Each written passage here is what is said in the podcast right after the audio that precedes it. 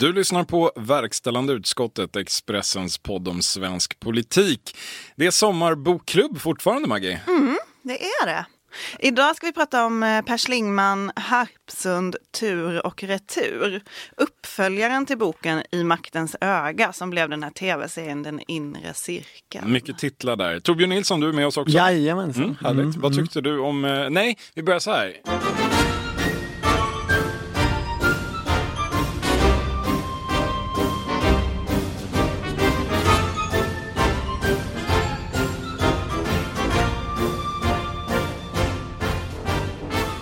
Skulle du kunna ge oss en kort sammanfattning av vad denna bladvändare i eh, politisk miljö handlar om? Denna thriller. Mm. Den här boken handlar om kvinnor. Eh, alla goda karaktärer är kvinnor. Finns det någon ond karaktär är det en man. Det handlar om tre kvinnor, en reporter, eh, en pressekreterare hos ett statsråd och en relativt nyutnämnd partisekreterare som under tiden blir utnämnd till statsråd. De här är alla i sina bästa produktiva år eh, och de försöker och lyckas vinna makten, eller i alla fall starkt inflytande, i det regeringsbärande partiet. Och det här gör de med den avgående statsministerns goda minne och efter att statsministerns huvudkandidat till att efterträda sig själv har, har drabbats av en svår demenssjukdom. Mot dem vilket också är statsministerns eh, sambo. Ja, precis. Sam, samkönade sambo. Exakt. Och mot de här tre tjejerna i makten om att ta över partiet står en kille som heter David och som är näringsminister. Avgången efter sk- mutskandal. Ja just det, för detta näringsminister. Och en av de här tjejerna har i massor jobbat med den här David och sviker honom under resans gång. Sorry för spoilen. Allt det här ramas in av en stor konflikt i Sverige mellan land och stad. För konkretiserad i att Sverigebanken, den stora svenska banken, lägger ner massa lokalkontor. Och det, leder, det och annat leder till ett omfattande landsbygdsuppror. Och det är liksom och det är också ett mord. Men vi behöver inte säga vem för det är faktiskt att spoila för mycket. Ja just det, det är ett mord Det är ett också. mord. Det är alltid ett mord men när politiker ska försöka skriva deckare. Så det var väl det vi konstaterade sist. Mm. Maggie, vad, vad, vad, vad, var din, eh, vad är din övergripande känsla kring den här boken? Är den bra? Ehm, den är ganska kul att läsa tycker jag. Eh, den är språkligt kanske inte jättebra. Ehm, den är ganska ytlig Ganska. kan man säga. Det är ehm, otroligt mycket liksom eh, ehm, matskildringar, eh, mycket liksom, olika så här, identitets, klädmarkörer. Eh, den handlar ju väldigt mycket om eh, liksom det som Per Schlingmann själv jobbade med, alltså strategi och bildsättning och väldigt lite om politik egentligen. Mm, det, är väldigt, det, det är inte jättemånga politiska tankar i boken, kände jag. Eh, hittade du några spår, Torbjörn?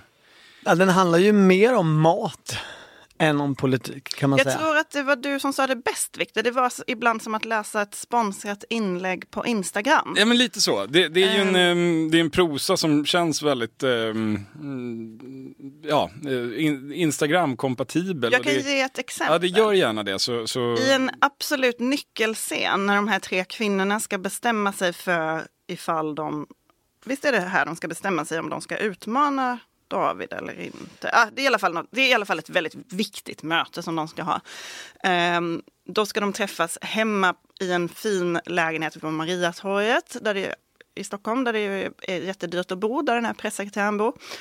Och så ska de ha det här viktiga mötet men då innan, så, innan mötet börjar så säger hon som bor där, pressisen, eh, jag har beställt sushi och sashimi från Misato. Det bör komma alldeles strax. Har gjort i ordning japanskt te men har också några öl från Pang Pang i Hökarängen om någon vill ha.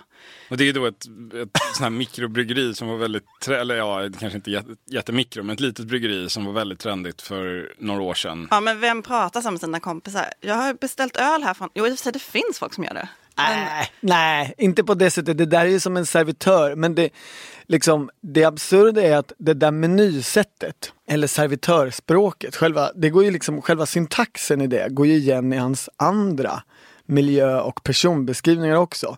Alltså på ett ställe så beskriver han en, en bankdirektör och det låter så här. Hennes klädsel är strikt. Svart kritstrecksrandig kostym från Rådebjer och en grå matt blus där den svarta spetsbehån skymtar fram. Till det bär hon pumps med höga stilettklackar för att komma upp i längd. Alltså Det- det- syntaxen, meningsbyggnaden här är ju exakt som en meny. Ja. Precis! Det är ju så servitörerna låter när de kommer till bordet och säger att ni ska få det här och till det.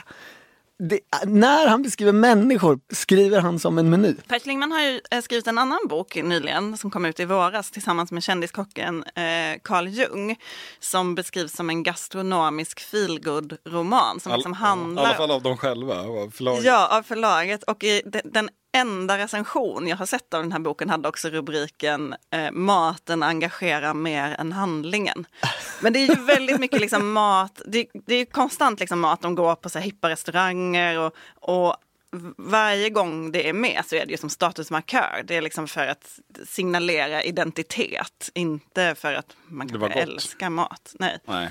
Det finns ju samtidigt grejer som är bra i meningen liksom realistiska i, i den här boken ändå. Och jag tycker det, det, det som jag tar med mig eller lade märke till mest var den här skildringen av hur alla de här politiska karaktärerna som är med i samma parti vet så enormt lite om varandra och ägnar så stor del av, av tillvaron åt att försöka ta reda på vad gör de andra. När det liksom blir ja men typ en partiledarstrid så den här David, den före detta näringsministern, han vet inte alls om att, att hela liksom, eh, spelet förändras eh, av en pressträff. Det har han inte på något vis hört talas om innan. Han blir lika överraskad som alla andra.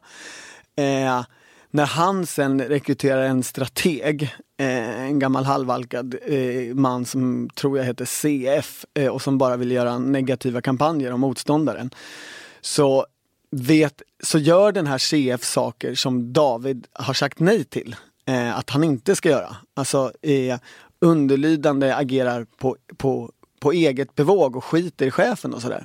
Och det menar du är realistiskt? Ja, det där tänker jag är spännande för ofta, både journalister och, och andra tänker ju ofta att så här, politikerna vet någonting som vi andra inte vet. Men sanningen är, när man tittar närmare på massa politiska processer är att de vet heller inte, alltså aktörerna vet inte särskilt mycket mer än vad, vad mm, de andra vet. Och aktörerna agerar lite på eget bevåg. Det är inte jättekonstigt att liksom den här CF drar igång massa smutskampanjer som hans chef inte har en aning om. Liksom, för folk gör så. Eh, och medan många analyserar alltid politik som så här, jo men det där måste ju chefen ha vetat om, statsrådet, statsministern, partiledaren. Eh, och så är det kanske inte så. Det, det var ett led i den, i den stora planen. Men hörni, ehm, Per Schlingmann är ju, eh, för den som händelsevis har missat det, vi kan ha någon ung lyssnare under tio kanske, eh, ehm, är ju den mytomspunne strategen bakom konceptet Nya Moderaterna, partisekreterare under Fredrik Reinfeldt en, en period, innan det kommunikationschef. Väl? Ja, sånt. gud, han har ju haft, sen blev han ju Sen blev han statssekreterare Han fick ju inte bli minister för han hade inte varit svensk med, medborgare tillräckligt länge. Så han hade ju olika statssekreterarroller där på slutet. Ja. Just det. Ehm, men eh, vad i, om vi säger, känner ni att det här är, är det här en skildring av Nya Moderaterna? Eller finns det någonting Ja, men- där som känns Nya Moderaterna? Är det det här att det inte är någon politik i politiken?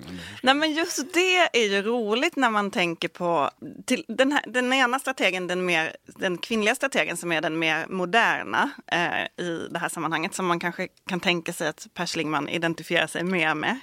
Eh, Det är hon som heter Lena. Ja, precis. Lena Nilsdotter. Hon är ju pressekreterare och strateg. Hon gör... Ah, förlåt, alla heter typ som ett eh, varumärke också. Typ, det, är väldigt... Förlåt. Nej, men hon gör en... Eh, hon till exempel här, lanserar deras strategi öppet eller skicka ut den till medierna för att den ska bli känd. Det var ju något som Per Schlingmann gjorde jättemycket. Han var ju liksom...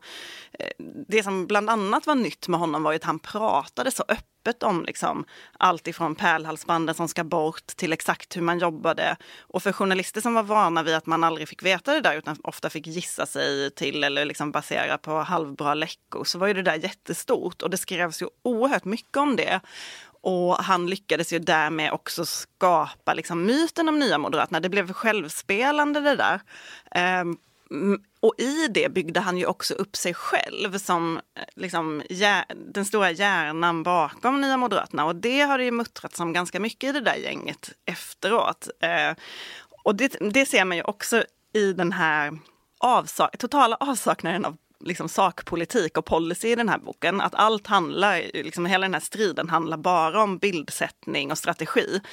Um, och det där pratades, pratar ju andra som var med om, i Nya Moderaterna fortfarande om. Att jo, men Nya Moderaterna handlade ju om Anders Borgs ekonomiska politik och, och den, de förändringar som man faktiskt gjorde. Att man la om politiken, att man hade helt nya idéer. Inte om Per Schlingmans sätt att liksom, lansera begreppet utanförskap som sen kanske var det som levde kvar mycket i folks... Ja, och just det ordet vet man ju inte med säkerhet om det ens var Per Schlingmann som kom på. Det, det, det där ordet är ju otroligt viktigt i berättelsen om Nya Moderaterna. Det är ett så liksom smart ord, utanförskap.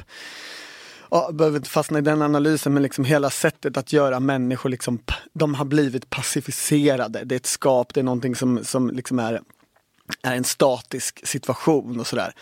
Eh, och men, lösningen på det var ju men, men jag är inte helt säker på att det, det verkligen var Per Schlingman som ens kom på det ordet. Det låter precis lika logiskt som att det var ett så här ekonomiskt byråkratiskt språk från något av Anders Borgs liksom, promemorior som han hade suttit hemma och hackat ner fren frenetiskt förbannad över liksom, sakernas tillstånd, att ingen fattade någonting av liksom, det som man måste fatta. Det var, men det kanske var lite så med det här projektet, var, eller rättare sagt, var det inte så att det gick från att ha ganska mycket substans framhamrad i promemorior av Anders Borg till att mot slutet bli mer av en desperat bildsättning som aldrig fastnade. Det var lite den känslan jag hade under de sista åren där när, ja, det, var ju... när det hölls presskonferenser om det lanserades nya begrepp, inget mm. fick någonsin fäste och Per Schlingman fasade successivt ut sig själv och sen så kom 2014 och så eh, var allt slut. Ja men så, så var det ju verkligen där på slutet, den andra mandatperioden med alliansregeringen när de regerade i minoritet och hade det ganska tufft och alla beskriver liksom en reformtrötthet och att det hände ganska lite. Men det hände de ganska mycket på bildsättningsfronten, det är bara det att ingen mm. kommer ihåg det. Man, man försökte verkligen, jag minns många presskonferenser där man lanserade ja. nya eh, begrepp. Nej, man minns ju mest den där alliansdansen inför valet. Det är, det är också många av historieskildringarna gjordes ju, alltså slogs ju så att säga fast då strax efter valet 2010. Till exempel Anders Pilblads bok om Nya Moderaterna kom väl ungefär då. Som liksom handlade, det var ju succéresan liksom. Och, men när den kom så var ju succéresan liksom redan över. Det var, det var ju på väg nerför. Men men om vi återvänder för en stund till boken här, är det någonting mm. annat som vi, vi, har drag av Nya Moderaterna. Är det något annat som ni känner är hämtat från verkligheten? Eh, som, som, man kan, kan få en, en, en inblick i, i, i, vår värld på ett spännande sätt. Det finns ju en Gotlandsresa här Torbjörn. Ja, just det. Var med på. Ja, för mig är det lite spännande att läsa den här boken för på flera ställen så finns det liksom hänvisningar till scener eller saker som där jag har varit närvarande. Berätta. Jag gjorde, för Fokus så gjorde jag en, en eh, följde jag Per Schlingman när han då var statssekreterare och så hade den här framtidskommissionen med Jesper Strömbäck och Ja, eh, massa andra människor. Eh, vad heter Han som inte är Henrik Berggren, Lars Trägård. Precis, Lars Trägård var med också. Vi, jag åkte med de tre till Gotland. Eh, mycket av den här boken utspelar sig på Gotland. Eh, Där Per Schlingman ju har sommarhus, och, och, eller hade. Och känns som att han jobbar också på uppdrag av Region Gotland. Det, det är lite det. Han är bra på, han är bra på reklam för Gotland, det, det, får man säga. i samarbete med Region Gotland. Det, ja men både den här, det finns en scen när, när liksom eh, någon, någon av personerna är för, är, upptäcker plötsligt i liksom transithallen på flygplatsen att de är jätteförsenade till flyget. Och det var precis vad som hände när jag reste med Per Schlingman och de här två andra herrarna. De liksom stapplade ut som någon slags Jönssonligan-gäng ut till, ut till det här lilla, lilla propellerplanet som skulle, som skulle över till Gotland och vi höll på att missa det där. Själva resan sen gick ut på att den här framtidskommissionen skulle liksom se de nya konfliktlinjerna. Och den handlade ju enormt mycket och Per Schlingman var då väldigt upptagen av konflikten mellan land och stad på ett ganska tidigt stadium. Ja. Och ett nyckelmöte den dagen var att vi var på Östergarnslandet och träffade ett gäng som var ett landsbygdsupprorgäng. Eh, och det är ju liksom en av huvud eh, liksom konfliktskaparna i den här boken. Och jag minns en replik därifrån som blir väldigt ty liksom som tydligt tagits in. Det var en gubbe, en äldre herre, som suckade och liksom till slut sa att ja, men allt var åt helvete med halt i samhället. Och var så här, vi, det, vi, vi får göra som med föreningsbankerna. Vi får starta om från början med nya egna banker. För bankerna ger ju inte lån till oss och sådana här saker. Och där är ju hela den här bokens liksom konflikt mellan storbanken och mellan liksom bönderna och landsbygdsfolket som är alldeles för högt belånade och som liksom inte får ihop det och sådär. Så det är lite konstigt att jag känner väldigt mycket igen mig i den här boken. Det finns ju en annan eh, absolut fokusrelaterad scen i den här eh, boken. Det är när... Och då pratar vi alltså om tidningen Fokus? Precis, ny, nyhetsmagasinet Fokus. Um, när näringsminister Gina då, som är en av de som, hon som då kandiderar för att bli uh, partiledare. Um, hon har, det beskrivs en bokhög hemma hos henne och där finns senaste numret av veckomagasinet Span. Där omslaget pryds av eh, bilder på eh, pressekreteraren Lena och CF, den halvalkade eh, smutskastningsstrategen som eh, David har anlitat. Eh, och de är avbildade i profil med blickarna mot varandra. Rubriken är Strategerna, underrubriken är Hipstern mot hämnaren. Och exakt den här eh, bilden gjorde Fokus eh, i ett porträtt på Per Schlingman och eh, Mona Salins ehm, eh, partis, biträdande partisekreterare var han väl Stefan Stern, alltså mm. alltså den, den kända socialdemokratiska strategen Stefan Stern. Numera eh, strateg hos Wallenberg va? Både Wallenberg och Axon Jonsson tror jag. Han en, I storkapitalet i ja, alla fall. och varit ju friskole och vinst i välfärds eh, lobbyist. Mm. Eller är väl fortfarande det. Men, och det är så roligt när man, man minns det där reportaget som just också handlade ganska mycket om så här, det moderna Per Schlingmann och hans liksom öppenhet och han var väldigt inbjudande medans eh, Stefan Stern gav inte ens en intervju utan delen om honom byggde liksom på bara prata ah, med folk runt om. Det var så eländigt att göra den där. Eller jag tror att det är jag som skrev den artikeln. Ja. Men, eh, men då undrar man ju också om den här halvalkade negativ kampanj CF är baserad på Stefan Stern. Eller vad Per Schlingman liksom vill säga med det här lilla hinten om omslaget. Det kanske han kanske inte vill säga något. Nej, kanske inte. Men, ja. Jag vet inte om det är ute i någon juridisk tassmark genom att bara spekulera om den frågan. Det är ju Stefan annars... Stern är ju inte här och kan få svara. Nej, det kan han inte. Inte här heller det finns alltså journalister och journalistskildring är ju någonting som är ganska genomgående. Vi pratade om eh, Jonas Sjöstedts deckare här för eh, några veckor sedan. Då var ju tidningen Expressen eh, tämligen närvarande i den berättelsen. I den här boken är det ju en tidning som heter Kvällspressen, mm. Väl? Mm. Som är extremt närvarande. Eh, hur, Precis. Hur, hur trovärdig bedömer ni den skildringen? Ja, men, eh, jag tycker allting i så redaktionsmiljö och så är väldigt välskildrat och hur liksom, nyhetsarbetet på en tidning går till. Men sen så blir ju stjärnreporten Astrid heter hon väl. Hon eh, blir ju en del av de här tre, alltså hon är den tredje kvinnan som försöker, de, de liksom lyckas värva henne till partiet och det händer ju ibland men här händer det ju liksom helt det går väldigt snabbt, de super typ ner henne och så vill du vara med? Och det, det finns liksom ingen... Eh, eh, ja, men det, hon tvekar inte, det finns ingen ångest hos henne. Det finns ingen heller, liksom, är det här partiet jag ens liksom, sympatiserar med? Utan det är bara helt själv. Det är lite som att det bara finns ett parti i den ja, här boken. så är det och, Men det är också politikens självbild gentemot de flesta andra sfärer, nämligen att man tänker sig, alla vill ju egentligen jobba i politiken. Ja, så erbjuder blir... vi någon ett jobb så kommer de ju absolut liksom komma och byta sida och överge vad de än i övrigt så att säga har. Ja men eller att alla drivs av någon... Av... Vi är specialister på det vi gör, precis som du. Därför försäkrar vi på Swedea bara småföretag, som ditt. För oss är små företag alltid större än stora och vår företagsförsäkring anpassar sig helt efter firmans förutsättningar. Gå in på swedea.se företag och jämför själv. Just nu pågår vår stora season sale med fantastiska priser på möbler och inredning. Passa på att fynda till hemmets alla rum, inne som ute, senast den 6 maj. Gör dig redo för sommar. Välkommen till Mio.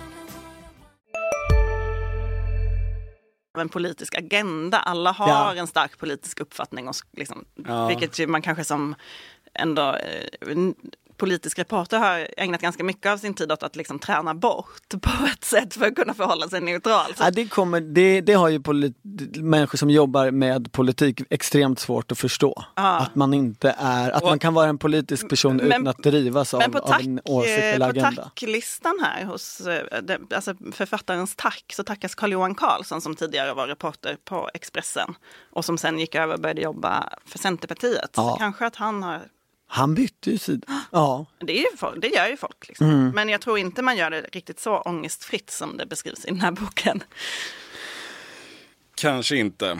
Ja men det man inte kan riktigt sluta tänka över när man läser den här boken, eller inte jag i alla fall, det är ju liksom den fortfarande liksom oskrivna berättelsen om, om Nya Moderaterna och hur liksom en del saker fortfarande är oklart.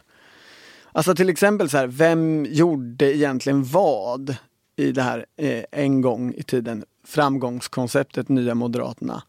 Det är ju liksom en jag tycker inte den frågan är- är fullt ut besvarad. Det är så här, det är liksom sex, sju personer som var, som var väldigt avgörande.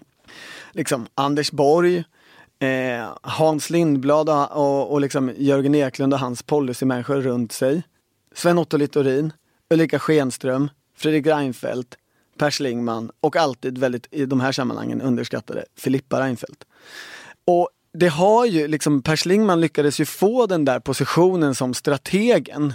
Fast det nog kanske lika mycket var Anders Borg. Och då, när, när man har pratat med de här människorna som var med, så är det ju en del av dem som liksom vill göra Per Schlingmann till, ah, han gjorde absolut ingenting. Han var en pajas. Han var en pajas som inte gjorde någonting. Eh, och då blir man ju så här, men vadå, ingenting? Han kan ju inte ha gjort ingenting. Och så försöker man liksom förstå, alltså motsvarande ska jag säga bild finns ju delvis på andra sidan. Så här. Och så försöker man förstå, vad, vem gjorde vad? Och då inser man att rätt avgörande egenskaper och funktioner i ett sånt där gäng som omformar ett, ett parti så mycket som de gjorde, är ju liksom förmågan att vara kommunikatör internt och liksom eh, pålitlig person internt. Per Schlingmann kom ju med lite ett par år efter att de hade dragit igång det, eh, om, eh, omformningsarbetet. Och var ju den som liksom var Fredrik Reinfeldts gamla kompis. Anders Borg, Sven-Otto Littorin och Ulrika Schenström var ett gäng som kom liksom från eh, studentförbundet, från Östergötland som kände varandra på massa sådana sätt och litade på varandra. An- Fredrik Reinfeldt var liksom Täbymannen som hade eh, Filippa som en person han nog absolut kunde lita på, men kanske inte riktigt Anders Borg. Däremot kunde han absolut lita på Per Schlingmann som hade varit med honom sedan liksom, ungdomsförbundsdagar. Så jag tänker att Per Schlingmans funktion, och det är det som framkommer, upp, läser jag mellan raderna, var liksom... I den här boken. Ja, för att det, den var inte att vara policy. Den var heller inte liksom att, att vara eh, liksom kanske den här fantastiska ordmakaren och strategen. Utan den var att vara liksom pålitlig och det är den man ser i det, liksom, relationen mellan de här tre utmanarkvinnorna.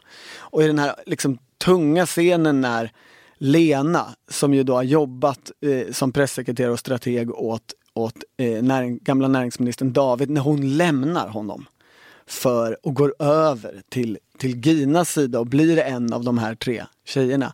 Alltså hur viktigt förtroendet, liksom pålitlighet och förtroende. Vem i den här världen av, av allmänt svekfulla människor kan jag verkligen lita på? Vem kommer inte hugga mig i ryggen?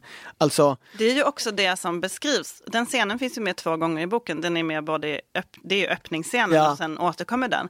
Och det är ju det som beskrivs, det här sveket hon gör är det som beskrivs som det absolut jobbigaste nästan. Det är ju, det är ju mer eh, ångestladdat än mordet. Ja, verkligen. Och jag menar, Många beskriver också Ulrika Schenströms roll i det här gänget som egentligen så här, vad var hennes eh, eh st storhet? Hon kunde, hon kunde få Anders Borg och Fredrik Reinfeldt att prata med varandra. Hon kunde liksom eh, översätta den enas ord till den andra och att, och att, kommunikationen fungerade, för det gjorde den inte från början. Alltså, det är min, liksom, saker man inte riktigt tänker på som är viktiga. Och då tänker jag att så här, Per Schlingman var ju trygghet för Fredrik Reinfeldt som eh, säkert någonstans hela tiden tänkte att Anders Borg är jättebriljant och sådär, men det, han är också lite farlig. Anders Borg kan ju komma och liksom peta bort mig om någonting går dåligt. Han är ju liksom en, en person som, som, som, precis, som, som skulle kunna liksom gå för partiledarjobbet och statsministerjobbet och sådär. Men i den här myten om Schlingman, så han, han skapar ju också en myt liksom, i de andra partierna. Alltså, svensk politik var så dominerat av honom under ganska lång tid. Jag minns att man träffade socialdemokrater där under liksom, Reinfeldts andra regeringsperiod som var så här, vi kommer aldrig vinna så länge Per Schlingmann finns. Det är omöjligt. Vi vet liksom inte hur vi ska göra. Eh, och det, han, den bild han skapade av sig själv och den myt som fanns kring honom gick liksom så långt verkligen in i politiken. Men det känns väldigt länge sedan. Det känns oerhört länge ja, det är det. Och jag tycker att de här haiku-dikterna som det kallas, det är inte liksom formellt en haiku-dikt, men Per Schlingmann kallar det för det. um, Poetisk frihet på något sätt. I, de symboliserar lite det där. Va, vad, är, vad är de? Du måste berätta. Jo, det är båda de här stats... Det här, det här är Lena Nilsdotter, Pressis-strategens eh, liksom arbetsmetod där hon, hon formulerar en strategi för sin, de hon jobbar med som ju till slut i, i slutet av den här boken har ju då varit båda eh, partiledarkandidaterna. Eh, i tre korta punkter. En haiku är ju i, i tre rader, så det är väl därför han kallar det för det. Mm. Um, och och de, de, de, tre raderna ska liksom innefatta hela alltså, strategin och kanske då bilden av den här partiledarkandidaten. Mm.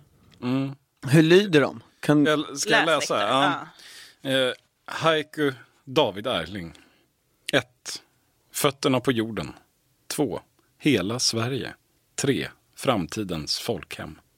Ska jag fortsätta? Man får rysningar. Mm, starkt. Haiku Gina Besic. 1. Aldrig kompromissa med kampen. 2. På vårt eget sätt. 3 möjlighetsorienterad. Det, där är, men det är väldigt spännande för på ett ytligt plan så är ju det här den politiska konflikt som kom vartefter. Alltså jag menar, David Erling är liksom något slags konservativt eh, Sverigedemokrataktigt. Eh, liksom. De pratar ju, hans strateg vill ju väldigt mycket att eh, han ska exploatera folkets rädsla. Och ja. gör man bara det kan man gå hur långt som ja. helst. Typ. Med, medan Gina Besic är ju liksom miljöpartistiskt, urbant, borgerligt. Eh... Hon har ju en tydlig jämställdhetsagenda. Absolut. Och, vill liksom, och just det här med möjligheten att liksom, man ska inte vara fast i gamla liksom, politiska låsningar. Vad som helst går att göra. Det, det är väldigt mycket anywheres och somewheres ja. hela den här uppdelningen. Och så. Men sen när jag tänkte mer på det så jag, jag ställde mig själv frågan, vilken av de här så kallade haiku-dikterna var så att säga vägledande för Nya Moderaterna. Och det tycker inte jag är så enkelt att svara på. Alltså, och det kanske till och med är så att ett, här, är, här är liksom konflikt som fanns i Nya Moderaterna som aldrig liksom riktigt reddes ut. Alltså det är alldeles uppenbart, upplever jag, så här, Per Schlingman, han håller sig ju helst till den här Gina Besic eh, möjlighetsorienterad, man ska göra saker på vårt eget sätt, man ska aldrig kompromissa med kampen, vi ska vara unika, vi ska säga, eh, vi ska vara chockera och säga att vi ska inte ha pärlhalsband och liksom, ja ni vet. Men aldrig kompromissa med kampen, är det verkligen nya Moderaterna? Jo men kampen, kampen här, kampen här är frågan för modernitet och för jämställdhet skulle ja, jag säga. Och det, och det tror jag liksom Per Schlingman är med på. Men... Annars tycker jag att fötterna på jorden är ju ganska mycket liksom det nya Moderaterna också ville signalera. Ja. Och hela Sverige. hela Sverige. Så mycket som de ägnar sig åt att liksom få framgång i, i kommuner och regioner Eh, och sådär. Och framtidens folkhem, ja men vi är det nya arbetarpartiet. Alltså det finns Ja. ju hela det budskapet är ju, det också Ja, jag tänker att eh, det där fötterna på jorden-delen, alltså Davids, när man, om man tänker bort så här, att det har lätta kon, liksom SD-connections Alltså idag, här, för det, så är det här Fredrik Reinfeldt. Ju, de här, det här är liksom sammanfattningen som kommer i slutet av boken, men det utvecklas ju också i boken. Alltså, det blir kanske tydligare med den där lite SD-anknutna tonen Ja. i själva den liksom, Nej, men- i boken. Och, och det är ju också en del av så här eftermälet med Nya Moderaterna. Alltså att, att Fredrik Reinfeldt beskrivs som en superliberal, närmast miljöpartist, urban, borgerlig person som vill släppa in alla invandrare i landet och inte bryr sig om traditioner eller, eller har någon förståelse för liksom folks behov av eh, fast punkt i tillvaron och rötter och sådana saker. Att han var ju i, i, i den här uppdelningen av haiku-dikterna så ju han så liksom drevs ju han, upplever jag, mycket mer av den här David Erling haiku-agendan med, med liksom eh, fötterna på jorden, hela Sverige, framtidens folkhem. jultal på Skansen. En, en typ av konservatism som ingen idag liksom riktigt tillerkänner Fredrik Reinfeldt. Eh, Per Schlingmann var ju, om man tänker på det Moderaterna som fanns 2010 och som 2011 gjorde den här migrationsöverenskommelsen med Miljöpartiet. För det var ju 2010 som SD kom in i riksdagen. Ehm, där var ju Per Schlingmann ganska drivande ändå för samarbete med, S- eh, samarbete med MP förlåt, och för ehm, ett liksom modernt, urbant Moderaterna som liksom tilltalade eh, de väljare som då röstade på Miljöpartiet, som kanske idag röstar på Centerpartiet. Ehm, och det, det finns ju inte riktigt kvar i Moderaterna idag. Nej, det är ju det, det, är ju det spännande. Eh, att liksom den, hela den delen som, som ju var eh, vä- väldigt stark då, har, har ju på många sätt försvunnit. Med liksom, alltså det var ju det som förknippades med eh, framtiden, med modernitet. Men jag tänkte på det när jag lyssnade på Kvartals fredagsintervju med Anna König Järlmyr som ju är finansborgarråd i Stockholm.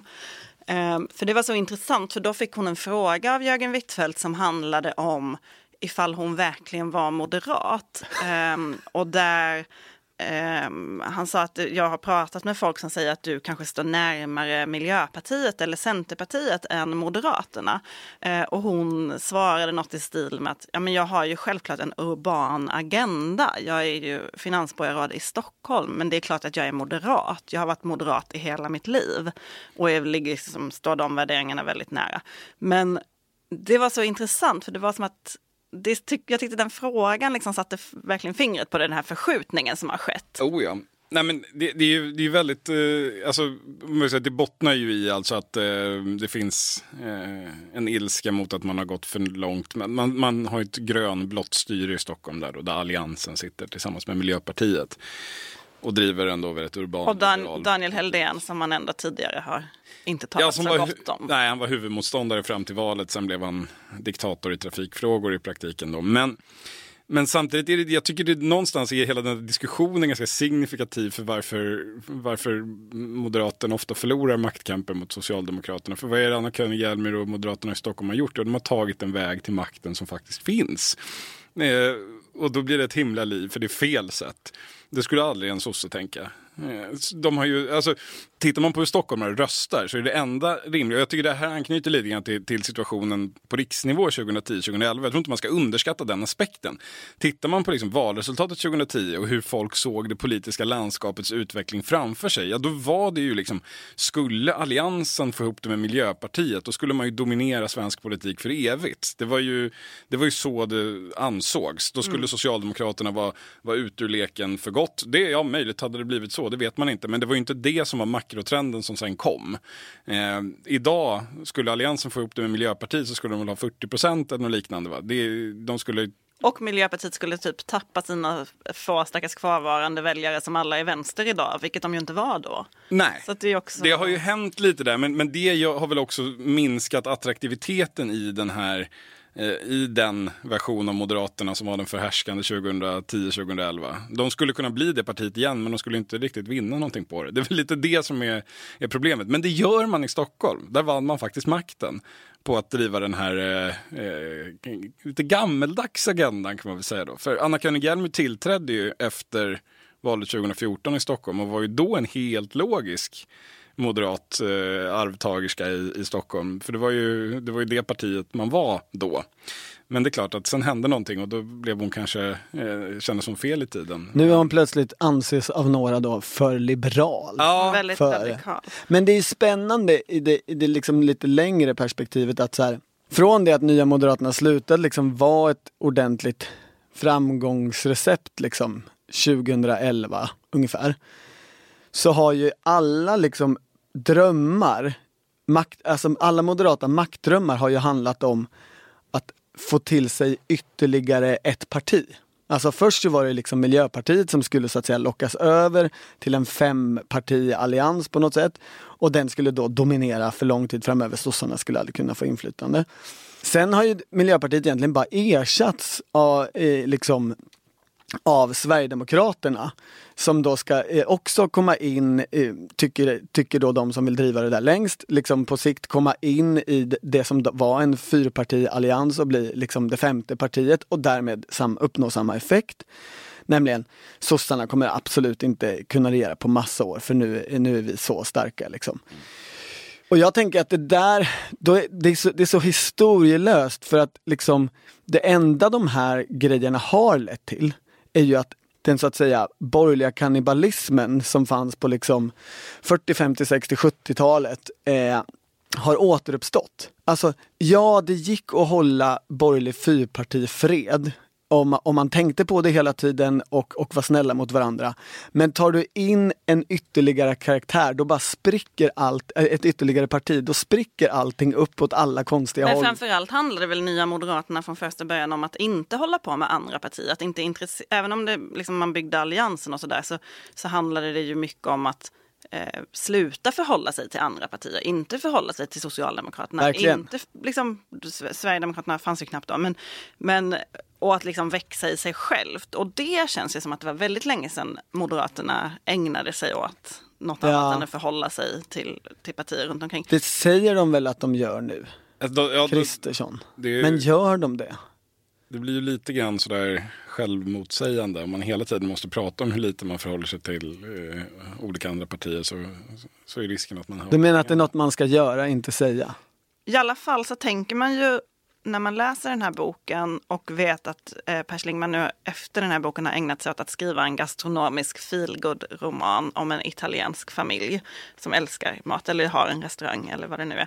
Så känner man att eh, vad härligt liv han lever. Och vad skönt det är för honom att inte vara i politiken eh, just nu. Det hade nog varit mycket tråkigare och jobbigare.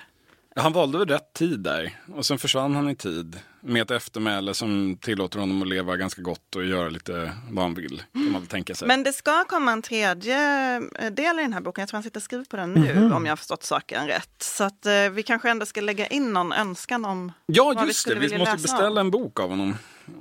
Jag vet vad jag skulle vilja läsa om. Ja, Därför att alltså, i den här konstellationen som var eh, viktig när Nya Moderaterna skapades så, det, så finns det en karaktär som aldrig riktigt har kommit fram. En kock. Som jag tror, om jag minns det rätt i huvudet, heter Christer Söderberg. Christer Söderberg var med i MUF med liksom Fredrik Reinfeldt och Per Schlingmann och blev sen kock. Och många som man har pratat med om Nya Moderaterna sa alltid, eh, som, som sa på frågan så här, vem, vem lyssnar Fredrik Reinfeldt på egentligen? Då sa de, Christer. Christer, Christer är jätteviktig. Jag vet inte alls om det stämmer. Men jag skulle vilja ha Per Schlingmans bok om eh, Christer. en gastronomisk Kock, feelgood-roman om skapandet av kocken nya kocken Moderaterna. som, som, som skapade Nya Moderaterna. Det, det, det tänker jag liksom ligger i, i det, det tänker jag att, att, att Schlingman skulle kunna göra. Det, är- det kan bli mycket mat och sådär. Det, det ska vi inte vara sura på då. Nej, jag kan ställa mig bakom den beställningen. Det går bra. Bra! Det här har varit ett avsnitt av verkställande utskottets eh, bokklubb. Och nästa gång ni hör oss så är vi tillbaka med en helt, en helt vanlig podd om saker som händer i politiken Precis, en helt vanlig podd och sen är vi det. för all framtid. För all framtid, eller åtminstone till nästa gång det blir bokcirkel. Ha det bra. Hej hej.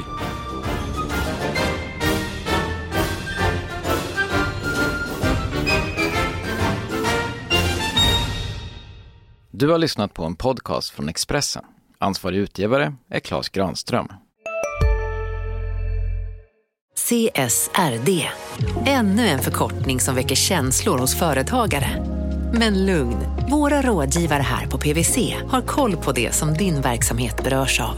Från hållbarhetslösningar och nya regelverk till affärsutveckling och ansvarsfulla AI-strategier.